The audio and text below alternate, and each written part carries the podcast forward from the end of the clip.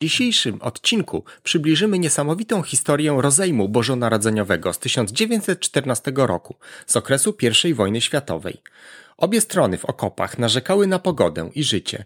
Niemcy często pytali o wyniki Ligi Angielskiej. W Wigilię Bożego Narodzenia mężczyźni po obu stronach frontu tęsknili za domem. Obietnica, że wojna skończy się przed Bożym Narodzeniem, najwyraźniej nie została dotrzymana. Zamiast być w domu z rodzinami, utknęli w zimnej, mokrej ziemi. Dowiedz się więcej o niesamowitej historii, która wydarzyła się na froncie I wojny światowej w 1914 roku. W tym odcinku Wszystko Wszędzie.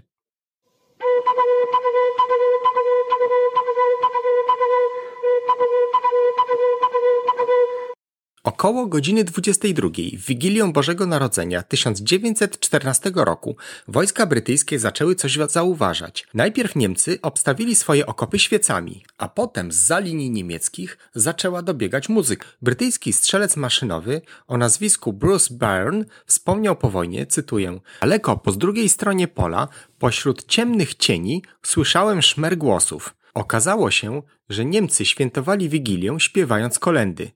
Po wysłuchaniu kilku niemieckich pieśni, Brytyjczycy postanowili odpowiedzieć własnymi pieśniami. W pewnym momencie brytyjscy żołnierze zaśpiewali O come, all ye faithful po angielsku, a niemieccy żołnierze śpiewali razem z nimi, śpiewając łaciński tekst Adesic Fidelis. Tu nie wiemy, kto to zrobił. Niemiecki żołnierz krzyknął łamaną angielszczyzną. Chodźcie tutaj. Nie trzeba było dodawać, że zaproszenie do okopów wroga prawdopodobnie nie jest najbardziej przekonującym zaproszeniem podczas wojny. Jednak jeden z brytyjskich żołnierzy odkrzyknął: Ty idziesz do połowy drogi, a ja w połowę drogi. I tak się stało. Ponownie nie wiemy, kim byli ci pierwsi żołnierze, którzy wyszli przed ścianę swojego okopu, ale to musiało być dla nich przerażające przeżycie. Wyjście poza okop zwykle oznaczało natychmiastową śmierć od karabinów maszynowych skutecznie zastosowanych pierwszy raz w tej wojnie. Przeszli jednak poza okop, nie zostali zabici. Wkrótce dołączyli do nich kolejni żołnierze z obu stron. Wszyscy oni dosłownie bratali się z wrogiem. Zaczęli ściskać sobie dłonie i wymieniać się drobnymi upominkami. Dzielili się tym, co mieli. Winem, wódką, papierosami i słodyczami. Zaczęli śpiewać ze sobą piosenki. Wymieniali się guzikami i czapkami. I po żadnej ze stron nie było ani odrobiny nienawiści. Nie było to odosobnione zdarzenie z kilkoma żołnierzami w jednym miejscu. Rozejm bożonarodzeniowy rozprzestrzenił się szybko na cały front. Szacuje się, że w rozejmie wzięło udział nawet 100 tysięcy żołnierzy po obu stronach okopów. Wzięły w nim udział siły brytyjskie, francuskie, belgijskie i niemieckie.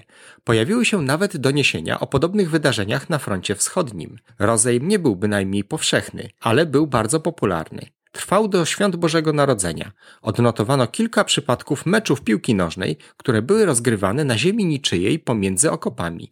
Najsłynniejszym z nich był niemiecki 133 Królewski Pułk Saski, którym grali szkoccy górale Agrill and Sutherland. Podobno Szkoci zwyciężyli, wygrywając 4 do 1. Jest to rzadkie międzynarodowe zwycięstwo Szkocji, ale powinienem dodać, że niemiecka wersja historii mówi o ich zwycięstwie 3 do 2. Na linii frontu zwykle odradzano skorzystania z aparatów fotograficznych, ale było kilku żołnierzy, którzy mieli przy sobie takie osobiste aparaty. Zrobili zdjęcia, które dokumentowały bożonarodzeniowy rozejm. Niektórzy żołnierze donosili o strzyżeniu włosów, a na ziemi niczyjej odnotowano co najmniej jeden przypadek pieczonego prosiaka.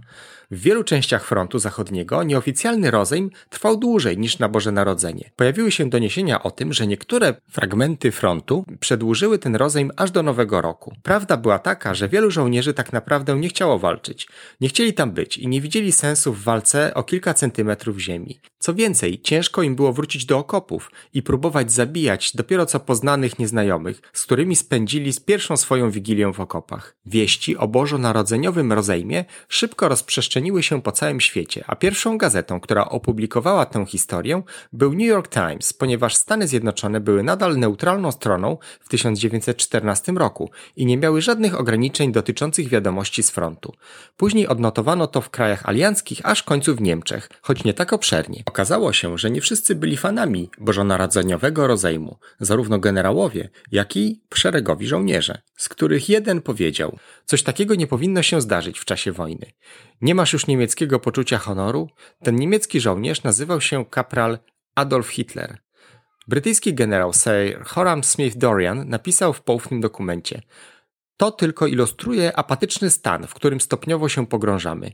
29 grudnia, zaledwie kilka dni po Bożym Narodzeniu, niemieckie naczelne dowództwo wysłało ogólny rozkaz, który zakazywał wszelkiej fraternizacji z wrogiem i mówił, że każde zbliżenie się do wroga będzie karane jako zdrada.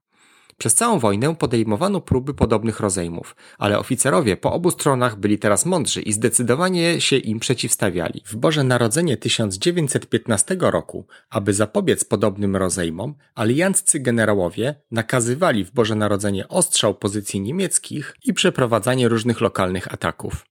Jedyne, co udało się zachować w kolejnych latach, to nieformalne porozumienia pomiędzy stronami, wykrzykiwane pomiędzy okopami. Ten nieformalny system rozejmów nazwany był maksymą żyj i pozwól żyć. Obejmowały one takie rzeczy jak zgoda na niestrzelanie do siebie nawzajem w czasie posiłków i pozwolenie na czas, w którym każda ze stron mogła zabrać swoich poległych towarzyszy z przedpola.